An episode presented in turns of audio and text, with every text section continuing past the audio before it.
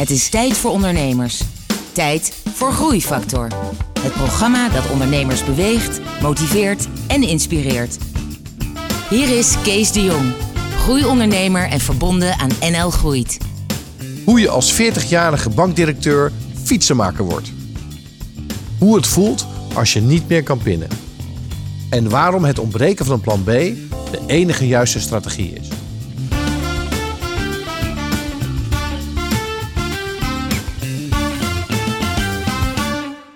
Hallo en welkom bij Groeifactor, het programma dat ondernemers beweegt, motiveert en inspireert. Met een openhartig gesprek met een inspirerende ondernemer. Vandaag is dat Frank Kleeman van Tulpfietsen. Uh, welkom Frank. Dank je Kees. Uh, Frank, vaak laat ik mensen uitleggen wat dat nou precies is, dat bedrijf. Maar bij jou, Tulpfietsen, lijkt het wel heel duidelijk wat jij doet. Ja, waarschijnlijk wel. Hè? Het, het begrip fiets hoef ik in ieder geval niet, uh, niet uit te leggen. Um, maar we zijn toch wel een beetje een vreemde eend in de beet, uh, als ik dat zo mag zeggen, in het fietsenland. Want um, we zijn dus een fabriek, om het zo maar te zeggen. Uh, we produceren fietsen, we assembleren fietsen. Dat doen we in onze eigen fabriek in uh, Maastricht. En die verkopen we direct zonder tussenkomst van tussenhandel of iets dergelijks aan de consument of aan bedrijven. Dat is eigenlijk wat we doen. Oké, en dus je bent een van de weinige full online uh, Nederlandse fietsmerken? Of zijn er meer die dat doen? Nou ja, er zijn natuurlijk wel uh, bedrijven die, die fietsen verkopen via internet. En er zijn natuurlijk fabrikanten, maar er is er eigenlijk uh, geen één die en produceert en rechtstreeks verkoopt. Ja, dus eigenlijk de hele keten is ja. in jouw bedrijf. Ja. Uh, je, je, je verkoopt duizenden fietsen per jaar. Ja. en dat groeit. Dat groeit, zeker. dan gaan we straks over die groeifactor gaan we wat dieper in. Ja. maar eerst wil ik iets meer weten van jouw achtergrond. Want ja. jij bent al de tweede bank man die ik hier uh, op, uh, op de bank heb. Ja, van, van de hoeveel? Nou, ik, we hebben toch 30, 40 interviews Ah, ja. gedaan inmiddels. Dus jij hebt een bankachtergrond. Ja. Dus een bankier die toch is Ja. overgestapt naar zoiets leuks als een online fietsen Ja. site. Ja. Daar zit een verhaal achter. Ja, daar zit zeker een verhaal achter. Ik heb, ehm, eh, want ik heb lang inderdaad bij de Rabo in dit geval eh, eh, gewerkt. Uh, eigenlijk direct na mijn afstuderen. Ik heb economie gestudeerd en toen uh, liep ik mijn afstudeerstage bij de Rabo en ik ben daar eigenlijk blijven hangen. Daar komt het op neer. Um, nou ja, vrij klassiek uh, trajectmanagement, trainee en lokale kantoren en buitenland, noem maar op. En op een gegeven moment, en dat is inmiddels zeven jaar geleden, ja, toen was het eigenlijk wel mooi geweest. Toen was ik net de 40 gepasseerd en ik dacht, blijf ik dit doen? En het antwoord daarop was nee. En eigenlijk, uh, uh, de eerlijkheid gebied me te zeggen dat de Rabo dat ook wel vond. Dus toen hebben we afscheid van elkaar genomen. En ik ben voor mezelf begonnen. Ja. Dat is uh, eigenlijk in een nutshell het verhaal. Ja, maar jij deed wel serieuze dingen bij de Rabo. Want jij was eh, general manager van Bisner Bank. Ja. Dat was een van de, een van de merken die Rabo destijds had. Je was Ja. general manager.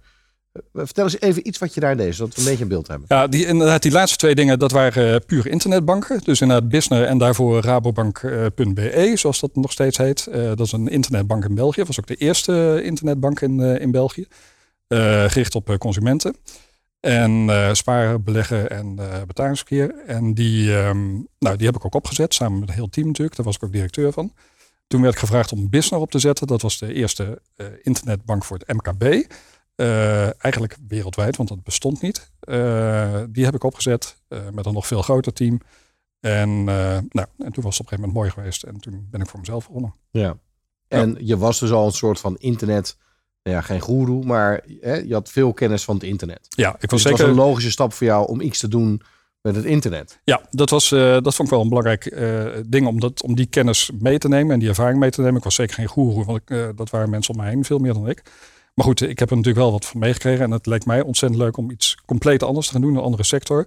Maar dan wel met gebruikmaking van de kennis en ervaring die ik Ja. heb opgedaan op het gebied van, eh, van internet en, Ja. en distributie. Maar het worden van ondernemer, zeker op die leeftijd, met alle respect, dat, dat is nogal een stap. Hè? Want je hebt je huis en je hypotheek en Ja. dit. En, en, en, dan, en dan opeens spring je een soort van in de diepe.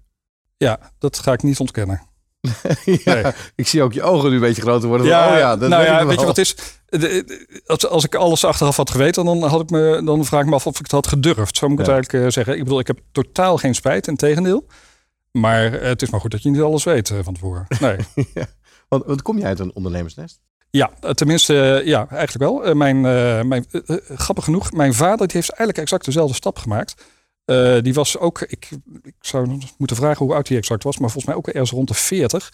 Hij was een uh, loondienst bij een bedrijf en hij is inderdaad ook rond die leeftijd voor zichzelf begonnen. Ja. Ja. En dat is goed uitgepakt? En dat is goed uitgepakt, ja. Oké, dus dat Ja. was misschien wel impliciet een soort van rolmodel. Ja, misschien niet bewust, maar eh, ja, weet je, het is denk ik, misschien is het ook wel een leeftijdding hoor. Ik, ik was die 40 gepasseerd. Ik dacht, ja, zit ik hier over 60 of nou, niet over Ja. 60 jaar, maar zit ik over 20 jaar nog in een hok te vergaderen? Ja. Ik had gewoon geen zin. Het was een motor, een nieuwe vriendin of eventueel ondernemer worden. Ja, ja to- toevallig was dat beide, maar Oh. ik weet niet wel- welke, welke van de twee. goed. Maar dat is weer een ander verhaal. Ja, Oké, maar Ja. dus dat, dat, dat internet, dat snap ik. Want daar Ja. had je dus veel ervaring mee en dat vond je Mhm. leuk. Je kende de juiste mensen. Mhm. Alleen nu, nu nog die fietsen. ja. Of, of was die fietsen zeg maar poging nummer vier? Nee, dat was het niet. Het was eigenlijk eh, direct de eerste poging. Ehm, en nou moet ik zeggen, eh, ik, ik, ik, ik was geen fietsexpert. Integendeel, ik, eh, zeker van het technische deel, ik, ik wist er niks van af. Dat is inmiddels wel verbeterd. Ehm, maar ik had niet echt een hele speciale affiniteit met fietsen. Anders dan dat ik een enthousiast gebruiker was, maar gewoon puur om naar kantoor te fietsen en eh, nou, eh, veel op de fietsen doen. Ehm, eh, maar waarom heb ik daarvoor gekozen? Omdat ik eigenlijk eh, redelijk analytisch heb gekeken naar, naar diverse bedrijfssectoren. Ehm, eh, eerlijk gezegd ben ik gewoon bij de A begonnen en bij de F blijven hangen. Ehm, ja, zo is het echt aardbeien. Nou ja, aardbeien fietsen. weet ik niet meer, maar caravans kan ik me goed herinneren. Daar heb ik serieus naar gekeken. Kip was net failliet rond die tijd. Ja. Ik dacht, is dat dan wat? Eh, maar goed, met kamperen eh, heb ik niet zoveel. Ehm, en die F ja, van fietsen dan. Dus ik dacht, hé, hey, dat is wel interessant. Ik vind het een leuk product. Ik, het lijkt me leuk om een fysiek product te maken. Eh, anders dan Ja. bij een bank waar je altijd met, met diensten bezig bent. Ehm, eh, ik, ik vind het een sympathiek product. Het is, het is natuurlijk een milieuvriendelijk ding. En het, het was in ieder geval, en dat is nog wel een beetje een hele archaïsche sector. Ja, Ja. Want fietsen zijn duur. Eh, fietsen zijn duur, ja, over het algemeen wel. Eh, sterk aanbod gedreven. Ehm, er gebeurde zeker toen, eh, en dat is nog eigenlijk nog maar zeven jaar geleden of acht jaar geleden, heel weinig op het gebied van, van internet. Ik herinner me nog goed dat ik naar een beurs ging. Want ik dacht, nou, ik moet toch iets, iets ja, een beetje kijken hoe dat allemaal in elkaar zit. Ik ging naar een beurs en ik raakte in gesprek met leveranciers. Nou, die, die bij het woord internet haakte drie kwart al af. En sommigen wilden dan wel in gesprek. En ik kreeg een kaartje zonder e-mailadres en zonder website. Dus ja, ja wel een faxnummer. Dus ik dacht, Nou, ik dacht, hé, hey, dit is wel de goede sector. Hier, hier, Dus hier kan ik verschil maken. ja, dat was eigenlijk... dat eh, eigenlijk was de, nou, dat is eigenlijk wat ik wil zeggen. Ja. Ja, dankjewel. Ehm, ja, dus dat. ehm, nou, en daar ben ik op doorgaan. En dan ga je natuurlijk verder onderzoeken van wat is het aanbod en wie, wie is er allemaal actief.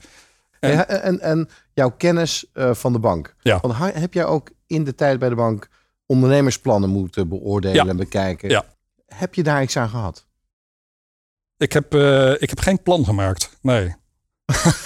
Het eerste wat iedere bank zegt. Ja, Maar wat is je plan? ja nee, ik, had geen, ik, had, nou, ik had wel een plan, maar niet op papier. Oké. Eh, dus ik, ik bedoel, ik wist natuurlijk wel wat ik wilde doen, maar ik heb het niet uitgewerkt in een van de businessplan of zo. Dat heb ik gewoon niet gedaan. Eh, komt misschien ook wel een beetje door business, want nou goed, het bestaat niet meer. Maar dat was ook ja, een beetje gekke bank natuurlijk, waarbij we ook Mhm. propageerden van, nou bij ons heb je geen businessplan nodig en eh, nou, noem het allemaal maar op. Ja. Dus eh, dat heb ik zelf ook niet gemaakt. Ehm, maar goed, ik heb natuurlijk heel veel gehad aan mijn achtergrond. Enerzijds vanwege het feit dat ik inderdaad, hoewel dat langer geleden is, heel veel businessplannen wel heb moeten beoordelen. Ja. Ehm, eh, en, eh, nou goed, en vooral ook van die, die kennis van internet en, en eh, internetdistributie. Ja. Nou, zo dadelijk wil ik weten hoe je, hoe je bent begonnen. Ja. Maar nu wil ik eigenlijk van je weten, toen jij als bankdirecteur zeg maar de laatste keer de deur dichtgooide Ja. en na die zoektocht eh, zei oké, nu ga ik in de fietsen. Hoe Ja. reageerden mensen? Hoe reageerde je Ja, vrouw? Hoe nou, je... Dat is echt een hele goede vraag. Ehm, dat was van. dat, dat was bizar. Dat varieerde van. Nou, fantastisch, eindelijk vrijheid. Tot eh, jongen, waar begin je aan? En je, en je A6 en hoe moet dat allemaal? Nou, en, al- en alles wat ertussen zat. Eh, maar zo extreem eh, was het. Jij werd ondernemer. Vertel wat er gebeurde. Ja, dat is een goede vraag. Ehm, wat, ge- wat gebeurde er? Nou, eigenlijk was ik ook wel redelijk euforisch. eh, zeker in het begin. Want, eh, nou ja, je, dat, ik had natuurlijk wat reserves opgebouwd. Dus dat, dat maakt ook wel dat het, dat het ook kon. En, ehm, eh, nou ja, goed. Je hebt dus inderdaad ineens vrijheid. Ehm, Dus het was echt heerlijk om A, niet om uh, half negen of later ook op een kantoor te zijn. Dat was natuurlijk al. Dus dit is een beetje van die basale dingen. Maar dat, dat, dat, ja, dat is me wel bijgebleven van die tijd. En tegelijkertijd, dat zijn ook allemaal van die, van die platgetreden paarden. Maar je moet natuurlijk alles zelf doen, tot met de potloden en de, en de, noem het allemaal op. Uh, maar dat is eigenlijk heerlijk. Ja, dat is, ik vond het fantastisch. Ik, ben, ik heb uh, redelijk veel discipline, dus ik hoef mezelf ook niet te dwingen om aan het werk te gaan. dus ik heb echt keihard gewerkt en nog steeds. Um, maar dat ervaar ik niet als last, toen niet en, en nu niet. Dus ook al werk heel hard, ja, die, die vrijheid is gewoon ontzettend, ontzettend fijn. Ja. Dat, dat is mij het meest... Dus dat was een heel positief begin. Ja. Uh, maar dan uiteindelijk, je weet, je wil iets doen met fietsen, je wil ja. iets doen met internet. Ja. Nou, internet of fietsen verkopen via internet. Ja. Waar, waar begin je? Ga je dan naar China? Ga je dan naar het Oostblok? Of ga je ze, waar, koop je ze in of je ze wat ja. is er gebeurd? Um, nou, ik, ik, want ik, ik kwam natuurlijk niet uit die fietsenwereld. Ik wist er eigenlijk ook heel weinig van. Dus dat was volledig blanco. Dat is een voordeel als een nadeel. Uh, het, het, het, het voordeel is dat je het echt helemaal vorm kunt geven naar, naar jouw ideeën. Zonder dat je gehinderd wordt door al te veel uh, kennis. Um, nou, en, en het nadeel, maar goed, dat kun je oplossen, is dat je dus gewoon mensen moet zoeken die er wel verstand van hebben. En je op dat gebied goed kunnen adviseren. Uh, ik, ik, had echt totaal geen idee. Dus ik ben een zoektocht begonnen. Het belangrijkste was eigenlijk van, nou ja, waar ga ik die productie of die assemblage dan starten? Nou, dat was echt bellen en, en, nog een keer bellen. En, nou ja, gewoon lukraak met, uh, niet met de gouden gids, maar gewoon zoekend op, uh, op internet van, nou, wie zit er eigenlijk in die fietshandel, groothandels, bellen. En, nou. En na een lange zoektocht kwam ik uiteindelijk terecht bij een sociale werkplaats in Maastricht. En die assembleerde fietsen. Dat deed ze al jaren. Die hadden daar een speciale afdeling voor. En die jongens zaten daar fietsen te monteren. En die uh, eigenlijk als eerste stonden open voor het idee. Uh, dus nou, ik naar Maastricht. Ik raak in gesprek daar met, met iemand. En, nou, en die was eigenlijk wel enthousiast. En zo is het eigenlijk begonnen. Dus ik heb spullen los ingekocht. Ik liet me adviseren toen door, door die sociale mm-hmm. werkplaats. Die man die had er veel verstand van. waar had, kocht je die in dan? Um, overal en nergens, zowel in Nederland als in, de, in het buitenland. het is zo dat we eigenlijk ieder onderdeel van de fiets los inkopen. frames, bouten, moeren, spaken, fietsbellen, nou noem het allemaal maar op. Je, je verbaast je erover hoeveel onderdelen er in een fiets zitten. Um, nou, deels zijn dat Nederlandse leveranciers en deels in het buitenland. Uh, veel Europees, dus ik koop eigenlijk niks in in, in het Verre. Um, nou ja, goed, en dat, dat, dat ligt dan op, op, de, op voorraad in het magazijn. Op het moment dat er een order binnenkomt, en dat is gelukkig heel regelmatig. Het is niet zo dat we zitten te wachten, maar die productie loopt continu door. Ja, het is niet zo dat uh, maar we maken niet op voorraad, dat bedoel ik eigenlijk te zeggen. Ja. Dus alles wordt op maat gemaakt en mensen Ja. kunnen via jouw website zelf hun fiets eh, bij elkaar Ja, eh, we doen eigenlijk twee dingen. Dus enerzijds eh, de consumentenmarkt, die bedienen we met name via eh, de website. Eh, en daar kan een, eh, nou, iemand die de website bezoekt, die kan zelf zijn fiets samenstellen. Dus hij kiest een frame, hij kiest een kleur, eh, wel of geen eh, versnellingen, noem het allemaal op. We hebben iets meer dan 1 miljoen varianten. Ehm, dat lijkt heel veel, dat is het ook wel, maar daar kom je al snel aan, want het is, ja, je, hebt- je hebt vier frames maal twee maten, maal, dus, nou, Ja. et cetera, dus dan kom je Ja. op een miljoen. Maar goed, het is ondertussen is het toch, toch wel heel wat. Ehm, en eh, voor bedrijven maken we fietsen in de huisstijl van het eh, bedrijf. Dus er komt een logo op. Eh, we maken eventueel de fiets in de kleuren van het bedrijf. En dat kan één fiets zijn en dan kunnen er ook een paar honderd zijn. En alles wat er tussenin zit. Oké, leuk. Hey, Ja. En hoe kwam je op Tulp?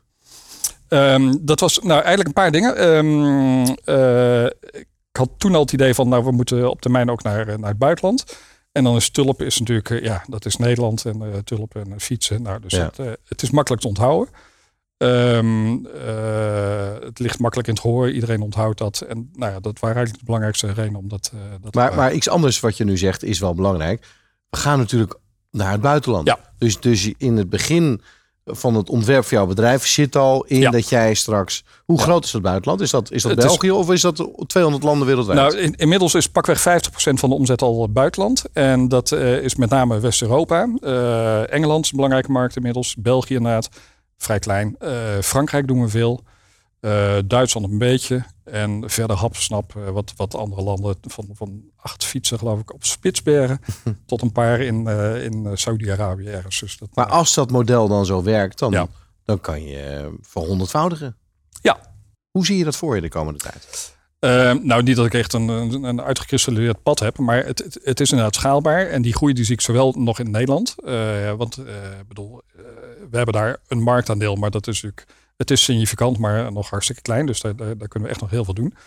Ehm, maar zeker ook in het buitenland. Uh, kijk, in, in, verschillende landen zie je dat, dat fietsen sterk in de opkomst is. zeker in West-Europese landen.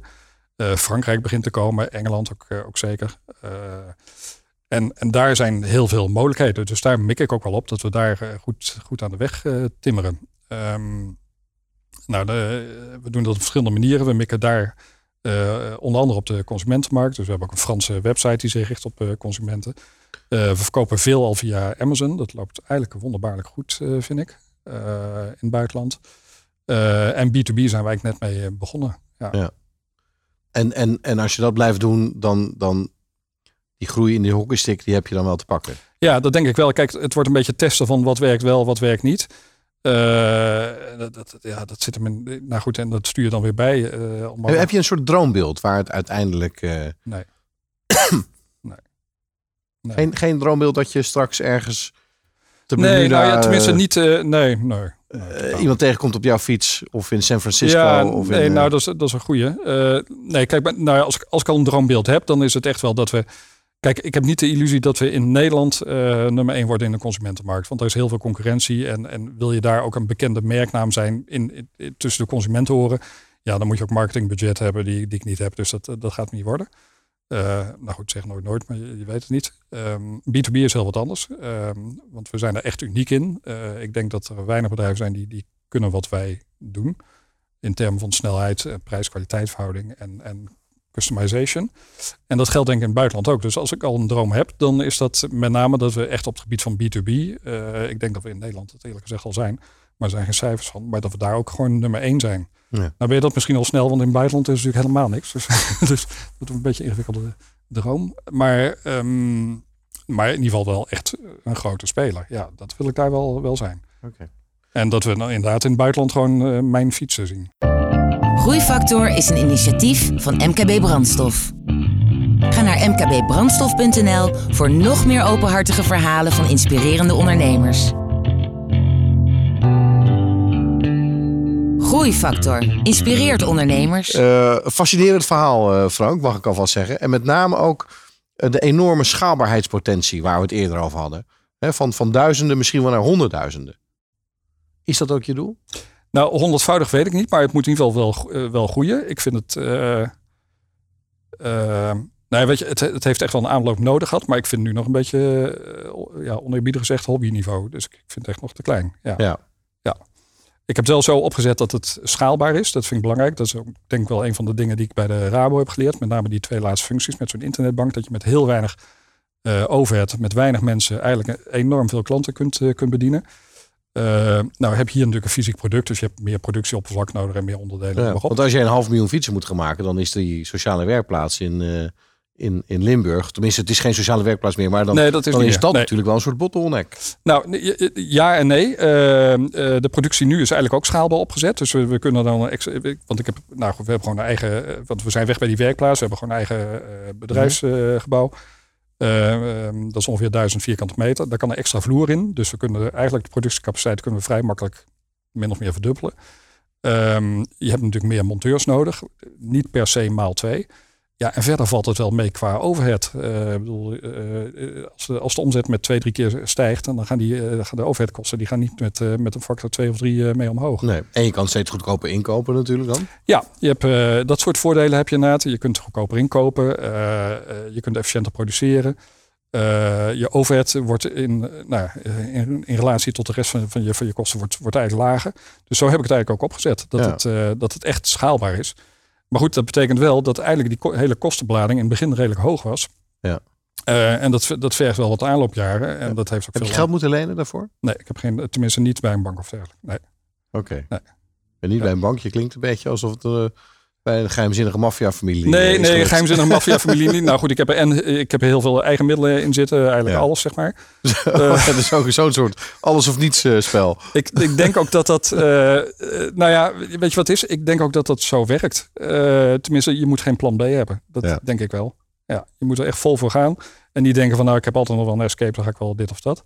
Nee, dood of de gladiolen. Wat stoer. Ja, nou, of dom. Heb je wel eens in de afgelopen jaren gedacht van... Niet dom, naïef. Ja, naïef. Dat, dat klopt. Dat zei in het begin ook. Als ik, als ik nu zou beginnen met de kennis die ik heb over alles wat je in het begin meemaakt, dan, Mhm. dan weet ik niet of ik het had gedaan. Ja. Wat zijn dan dingen die je hebt meegemaakt waarvan je dacht van, ja, dat had ik nou niet eh, verwacht of geanticipeerd. of Nou, ik, dat het, was het, zwaarder. het heeft sowieso veel langer geduurd de aanloop dan ik had eh, verwacht. Eh, nou, dat is natuurlijk ook een beetje dat je denkt van nou, dat had je als bankman ook wel kunnen weten na al die 600 businessplannen die je hebt gezien, want dat is natuurlijk altijd zo. Eh, maar goed, dat heeft echt wel vijf jaar geduurd in plaats van drie. Ja. Nou, dat moet je wel uitzien te zitten. Dan is het ook nog eens een keer zo dat eh, het, het groeide hard, dus dat is fijn. Ehm, maar wat veel harder ging dan ik had verwacht, was dat hele B2B-stuk. nou, dat is hartstikke mooi. Dat betekent dat je grote klanten krijgt. We hebben ook echt grote klanten. Maar hoe groter de klant, hoe langer de betalingstermijnen. Je moet meer inkopen, dus dat, dat loopt op een gegeven moment vast. Nou, dan je jaarcijfers zien natuurlijk gewoon slecht uit. eh, in die eerste jaren. Nou, je ziet allemaal maar, maar eens op te lossen. Ja. Dus nou, dat was, eh, dat was geen makkelijke tijd. Nee. Heb je toen eh, wel eens overdacht, erover gedacht om te stoppen? Mm, nee, eigenlijk niet. Omdat het één niet kon waarschijnlijk. Nou, en, inderdaad. En twee? Omdat je je wilde bewijzen dat je het ook kon, net zoals je vader. Ja, allebei. ja, ik denk allebei. Ja. Ja. Ja. Dus, Ja. dus het zou gewoon niet gebeuren dat het, dat het zou mislukken. Nee. Ja. En dat heeft jou ook een beetje door die tijd geholpen? Ja, ik denk het eigenlijk wel. Ehm, ja, dat is een goede vraag. Daar heb ik nooit echt goed over nagedacht. Ja, ik denk wel dat dat zo is. Ik, ik had echt een enorme drive om er gewoon een succes van te maken. En, ehm, eh, maar goed, dat, dat was inderdaad echt niet makkelijk. Ook niet voor mijn omgeving, denk ik. Maar ik wilde het wel. Want ze gingen jou minder zien. En als ze jou zagen, ging het alleen maar over fietsen. Ja, ik denk het wel. Ik, ik denk dat, het, dat ik wel eh, regelmatig een beetje druk met mezelf ben geweest. Ja, dat denk ik wel.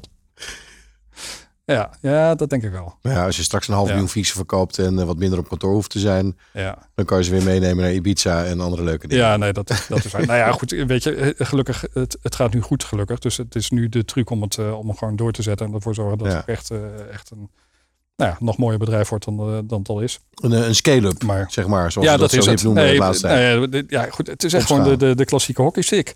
Ik bedoel, break-even hebben we achter de, hag- eh, achter de rug. Het is, het is eh, rendabel en nu moet het eh, doorzetten. Wat is jouw grootste uitdaging in, die, in het opschalen? Ik kan me voorstellen dat in veel landen soort van de marketingkosten gaan voor de baten uit. Ja. En dat moet je financieren. Dat, eh, dat is zo. Dat is denk ik ook het belangrijkste wat ik, wat ik nu moet realiseren. Ehm, eh, en dat, dat is dus inderdaad sales. Ik bedoel, de, pro- de productie staat, de organisatie staat, is prima. Kunnen we ook, kunnen we ook opschalen. Eh, dat is goed. En nu wordt de uitdaging om ervoor te zorgen dat er meer, eh, nog meer omzet eh, binnenkomt. En dat is, dat is gelukkig online sales. Dat is, dat is eigenlijk het Google-spelletje wat je nu Ja, voor, voor een belangrijk deel wel. En er is een verschil tussen Nederland en, en, de, en de rest van de wereld. Want kijk, in Nederland, als je het hebt over de B2B-markt. Kijk, een bedrijf kan zelf wel verzinnen dat ze het leuk zouden vinden om een fiets te hebben met hun logo erop. En die, die ze inzetten voor, voor een promotieactie of voor medewerkers of als leenfiets of whatever. Maar in het buitenland moet je ze op het idee brengen. Daar kennen ze dat niet. Ik bedoel, daar zijn ze net, beginnen ze net een beetje te wennen aan het fenomeen fiets. eh, hier en daar. Eh, het ene land meer natuurlijk dan het andere. Eh, maar dat een bedrijf ook eh, reclame kan maken met, met, met, met een fiets, met, met, met een logo eh, erop. Ja, op dat idee moet je ze nog brengen. Daar gaan ze zelf niet opkomen. Dus dat, dat betekent dat je je marketing insteek een compleet ander is dan, dan in Nederland. Waar het in Nederland eh, belangrijk is om ervoor te zorgen dat je, dat je gevonden wordt op het moment dat men er naar zoekt. Eh, Gaat, eh, met die insteek gaat niemand je vinden in, in, eh, in Frankrijk, om maar zo Nee. te noemen. Dus daar moet je de boer op. Ja, dus je moet, je moet marketen op een latente behoefte. En dat is inderdaad Ja. Dat is lastig. En Maar iedereen heeft diezelfde... hè, Iedereen die, die dat wil. En jij bent een van de eerste. Nou, kijk, het, het, het voordeel in het buitenland is natuurlijk dat, dat, kent niemand uh, tulpfiets of tulebike, zoals het uh, daar dan heet. Uh, maar uh, andere merken kennen ze ook niet. Dus dat is natuurlijk wel prima. Ja. ja. Dus, dus daar kennen ze gazellen niet en, en Nee. alle andere dingen ook niet. Dus wat dat betreft ben je net zo sterk. Ja, ja. Of misschien wel sterker, omdat je kostprijs is natuurlijk laag. Je bent flexibel, je bent daar precies, je bent, je, bent de, je bent de uitdager in de markt. Ja. Zeker. Je bent eh, afgelopen jaren gegroeid. Hè, een een lastig begin om op te zetten, hebben we het over gehad. Mhm. Vervolgens, nou, je doet nu duizend fietsen. Hè, en als ik jou zo hoor, worden dat, Nee, iets meer. worden dat tienduizenden en Mhm. worden dat nog, nog veel meer. Ja. Ehm, wa- wat, wat is in jouw geval die belangrijkste groei, gro- groeifactor geweest? Je noemde net al eh, de bedrijfsfietsen in Nederland. Hè, Ja. dat dat een, hè, want in plaats van één fiets verkoop je makkelijker 10 of 20 fietsen, Ja. kan ik me voorstellen. Ja, zeker. Ehm, Maar beschrijf eens wat nou, wat nou het keerpunt was. Het kantelpunt dat het opeens makkelijk Nou, echt een kantelpunt weet ik niet of het er is. Maar wat, wat wel zo is, en dat is een hele belangrijke factor, is dat onze. ehm, eh, de, de, de, wat, ja, wat dan zo mooi heet, de repeat customers. Dus de, de, de klanten die herhaalorders bij ons plaatsen, die, eh, dat, dat is meer dan 50%. En dan heb ik het Oh, over de, de bedrijven. Nou, dus naarmate je eh, eh, langer bestaat en je levert een goed product, ja, dan wordt dat deel van je omzet, dat, dat groeit. Nou ja, autonoom wil ik niet zeggen, maar je moet ervoor zorgen dat je, dat je goed blijft presteren en dat je je afspraken nakomt. Maar dat, dat groeit dus min of meer vanzelf. Ehm, eh, dus, eh, nou, en dat aangevuld met nieuwe klanten, dan wordt natuurlijk ook steeds, steeds bekender. En we zorgen er natuurlijk ook voor dat we, dat we eh, bekend zijn op, op de een of andere manier. Eh, dus er was niet echt, denk ik, een kantelpunt. Maar wat je gewoon door de jaren heen ziet, is dat die omzet heel snel groeit vanwege het feit dat die, dat die klanten terugkomen. Een soort stapelbare omzet. Ja. Want Ja. die hoef je niet opnieuw te marketen. Die zitten al in het systeem Ja. en die blijven. Ja. Ja, exact. Wat, een, eh, wat een mooi model. Ja, ja, misschien wel. Nou ja, goed. Kijk, dat gaat natuurlijk ook niet vanzelf. Eh, dat kan natuurlijk alleen maar op het moment dat je echt een kwalitatief goed product eh, levert. En, dat- en dat doen we. En ervoor zorgt dat, dat, nou ja, wat ik net zei, dat je, dat je afspraken netjes nakomt. Ja. Ehm, en nou ja, en dan, dan kan dat zelfs dus met een product als een fiets. Ja. ja. Hey, zijn er nou dingen in het begin die je hebt gedaan eh, waarvan je nu denkt, oei, hoe heb ik zo stom kunnen zijn? Ja, eh, zeker. Ehm, het grappige is dat, dat zeker in het begin, dan lijkt het in zekere zin ook nog wel op het opzetten van. Er waren heel veel parallellen met het opzetten van een internetbank en het opzetten eh, van, van, van dit bedrijf. En dat kwam, bedoel, de, de, de opzet van de IT. Ik bedoel, bij een bank is dat allemaal veel complexer natuurlijk, maar dan had je ook een veel groter team en nu moest ik heel veel zelf doen. Maar er waren heel veel parallellen. En de, de, verschillen die zijn er eigenlijk pas na verloop van tijd. Want nu lijkt het echt in, in niks meer eh, op, op wat ik toen deed. Eh, maar die eerste periode eigenlijk wel. Dat, dat viel me inderdaad toen ook nog op. Ehm, dus dat gaat eigenlijk geleidelijk. Het is niet zo, ik, ik, er staat mij niks bij waarvan ik denk van nou, hier was ik echt totaal niet op voorbereid. Nou ja, behalve dan misschien dat, dat verhaal van die, die groei. En dat je dan gewoon financieel vastloopt. Ja. Ja. Nou dat is natuurlijk een beetje... Als je naar de omzet kijkt, gaat het fantastisch. Ja. En dan kijk je naar de bankrekening en dan, Dan waar staat het niet op de rekening. ja. Raar, raar, hoe kan dat? Nou, voor, een, ja, voor een oud eh, bankman is dat misschien toch een beetje... Is dat wel een beetje Ja. confronterend. maar ehm, in ieder geval, daar ben je, daar ben je doorheen. Ja, ook, ook met dank aan bijvoorbeeld de leveranciers. Eh, dat is natuurlijk ook zo. Kijk, met een aantal leveranciers heb ik echt wel goede afspraken kunnen maken. En die snappen dat dan ook wel. En eh, nou goed, en sommigen ook niet. Eh, Ja. Maar goed. Frank, je hebt uitgelegd eh, hoe jouw organisatie ook de komende tijd gaat groeien. Ehm, en eigenlijk vond ik, vind ik van jou horen, als je terugkijkt naar wat je hebt gedaan, wat je hoogtepunt is en wat je dieptepunt is. En misschien is het leuk om met dat laatste te beginnen. Ehm, nou, het, het dieptepunt was niet echt één moment. Nou ja, er waren er denk ik wel een, een paar. Een belangrijke was, eh, bedenk ik nu, direct, of vrij direct na de start. Dat was, toen waren we een half jaar bezig, of drie kwart jaar. En eh, die sociale werkplaats waar we toen nog eh, eh, zaten in, in het pand, die zei van, nou ja, goed, het past eigenlijk toch niet helemaal in ons model, eh, dit, dit verhaal. Dus we hebben eigenlijk liever eh, dat je gaat. En toen zei je, oh wacht eens even, ik heb een baan opgezegd, ik heb al mijn Ja. geld erin. Ja, precies. Dus dat, dat was toch een beetje een issue. Ehm, ja, je, je En toen, hoe Eh, reageerde je? Nou ja, ik dacht, ja, dat kan toch niet waar zijn. We zijn net, net bezig. Eh, het- ik, ik, ik begreep de redenering wel. Kijk, wat, wat was toen het model namelijk? Eh, zij betaalden per assemblagehandeling. Hè? Dus als er een fiets werd gemaakt, ik noem maar wat, dan kreeg zij een, een tarief. Ehm, maar goed, dat was natuurlijk de ene week zoveel en de andere week zoveel. Zeker in het begin, dat ging natuurlijk alle kanten op. Ehm, dus zij, zij konden daar niet zoveel mee met die variabiliteit. Is dat een, ja, is een Nederlands woord. Ehm, en dus dat begreep ik wel. Ik zei, Zij wilde gewoon iedere week tien fiets Nou ja, maken. En niet de ene keer honderd en de andere keer eh, Precies, twee. nou, daar kwam het eigenlijk op neer. Dus, eh, maar goed, dat zei ze niet. Dus, maar ik, ik kreeg dus een brief. Nou, had nog een brief van, eh, nou, eh, liever toch eh, voor, eh, weet ik wat, 1 december eh, toch wat, wat anders te zoeken. Nou, en toen eh, ben ik met ze in gesprek gegaan. En toen kwam ik er dus achter dat dit eigenlijk het probleem was. En eh, toen zei ik, nou, dan gaan we het toch anders oplossen. Dan betaal ik jullie gewoon een vast bedrag per maand. En of er nou eh, zoveel fietsen van worden gemaakt of zoveel, dat is dan, eh, dat is dan mijn eh, risico. Dus prima. Nou, en dat was dan, dat was dan goed. Dus dat was, maar goed, het was natuurlijk schrikken, want we waren net, begonnen net een beetje op gang te komen. Ja. Ehm, nou, dat was een beetje in het begin. Nou ja, en echt een dieptepunt. Nou ja, dat was eigenlijk, maar die, dat heeft vrij lang geduurd. Is dat dat dieptepunt uh, er nog steeds niet was in termen van, van uh, ja, hoe zeg je dat? In termen van, van rentabiliteit. Uh, dus ja, dat was gewoon echt. Maar rentabiliteit, of bedoel je gewoon cash? Nou ja, dat gaat natuurlijk vaak samen. een slechte rentabiliteit ja, leidt natuurlijk ook tot, tot te weinig cash. Dus daar had ik echt wel last van in het begin. althans, niet, niet jaar één, maar wel daarna. toen het allemaal begon te groeien, maar de inkomsten achterbleven. Wie wel eens niet kunnen pinnen? Ja, ja. Ja Hoe gaaf is dat? Ja, ja zeker. Ja. Alleen het is leuker als je 24 bent in plaats van dat je nee, 46 dat wil jij dus niet. En uh, zeker niet als jij de gouden kooi uh, komt. Nee. Hè, wat, wat de Rabo natuurlijk toen in ieder geval uh, wel, wel was. En dan is dat wel confronterend hoor. Ja. Ik heb inderdaad, ja, dat is inderdaad waar. Het is gelukkig weer even geleden, maar inderdaad met mijn creditcard gepind. Ja, want dat, dat heb je dat nog. ja, dat is je laatste lifeline. Ja, sorry. Wat dacht je toen? Wat dacht ik toen? Ja, dan zit je toch een beetje, een beetje in de put. Ja. Ja. Ja. Dat zit je nou wel. Maar goed, dat is gelukkig wel weer even, even geleden. Maar ja, tegelijkertijd dacht ik van ja, weet je, stoppen is gewoon geen optie. Het moet gewoon lukken. En ik, ik had er vertrouwen in. Ik wist dat het moest kunnen. Ik bedoel, ik kreeg positieve reacties. Klantenbestand liep op. Dus dat, daar, daar zat het hem niet in. Maar ik moest gewoon door dat. Die kosten stegen ook niet noemenswaardig. Maar ik had gewoon een bepaald vaste kostenniveau. Ja. Om, om dit model ook te kunnen. Uh, hoe zeg je dat? Uh, uit te kunnen voeren.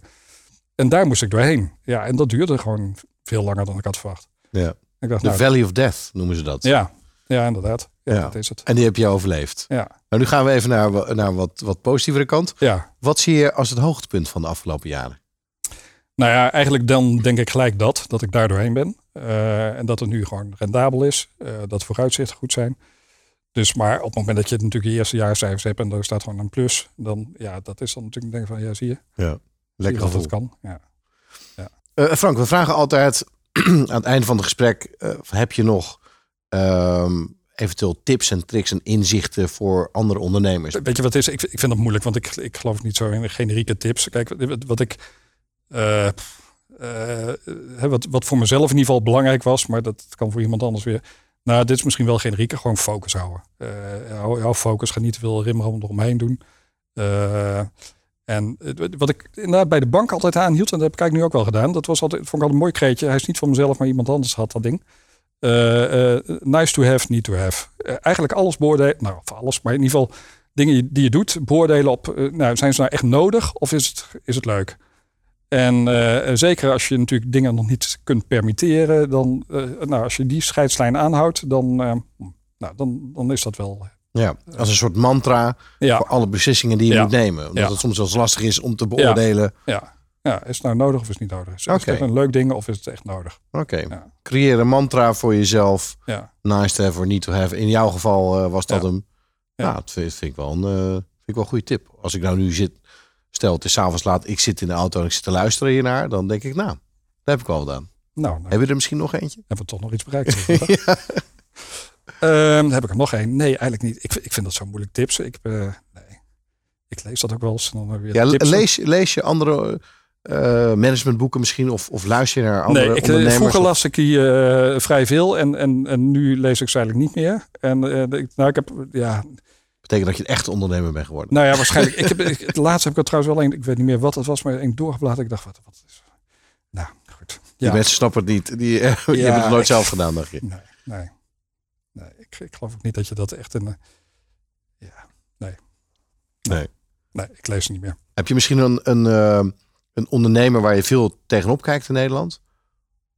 Of misschien wereldwijd een ondernemer waarvan je zegt, nou, nou dat inspireert me Nee, ik heb eigenlijk niet echt een rolmodel. Ik, eh, eh, nee, ik, ik, er schiet me ook niemand te binnen. Nee, eigenlijk niet. Nou ja, mijn vader dan misschien. Nou Dat denk ik nu ineens. Dan is de cirkel weer rond. ja, dat- nou ja, nu kan ik erover nadenken. Ik bedoel, ik, dat is wel echt onbewust. Maar misschien dat... Kijk, die man die heeft precies hetzelfde gedaan. Of nou, hè, andere eh bedrijfstak en zo. Maar eigenlijk heeft hij hetzelfde gedaan. En dat heeft hij heel goed gedaan. Nou ja, ja misschien hij dan toch wel. Dat is dan een mooie afsluiting eh, van dit gesprek. Wat ik al zei, de cirkel is rond. Ehm, eh, Frank, de, de, de bankman die eh, straks honderdduizenden fietsen verkoopt. Ik ga op jouw site ga ik een fiets bestellen voor, mijn, voor mijn jongste zoon. Want die heeft hij nodig straks Heel voor de, goed, voor de middelbare school. Ik, ik vind het heel bijzonder. En het mooie vind ik het schaalbaarheid van jouw model. Daar word ik bijna gretig van. Omdat het zo, zo heerlijk is. En heel veel dingen waarvan ik dacht dat is moeilijk te schalen. Inderdaad, zo'n zo'n productiefaciliteit. Mhm. Als ik jou hoor, ja, dan, dan inderdaad, de wereld is zo groot. En iedereen rijdt op een fiets. Ja. Ik vind het briljant. Nou, dankjewel. Ik wil je enorm bedanken voor dit eh, interview, Frank. Dankjewel, Kees. En voor de luisteraars, dit was Groeifactor. En graag tot de volgende keer. Ga naar mkbbrandstof.nl voor nog meer inspirerende verhalen van mede-ondernemers. Groeifactor beweegt ondernemers.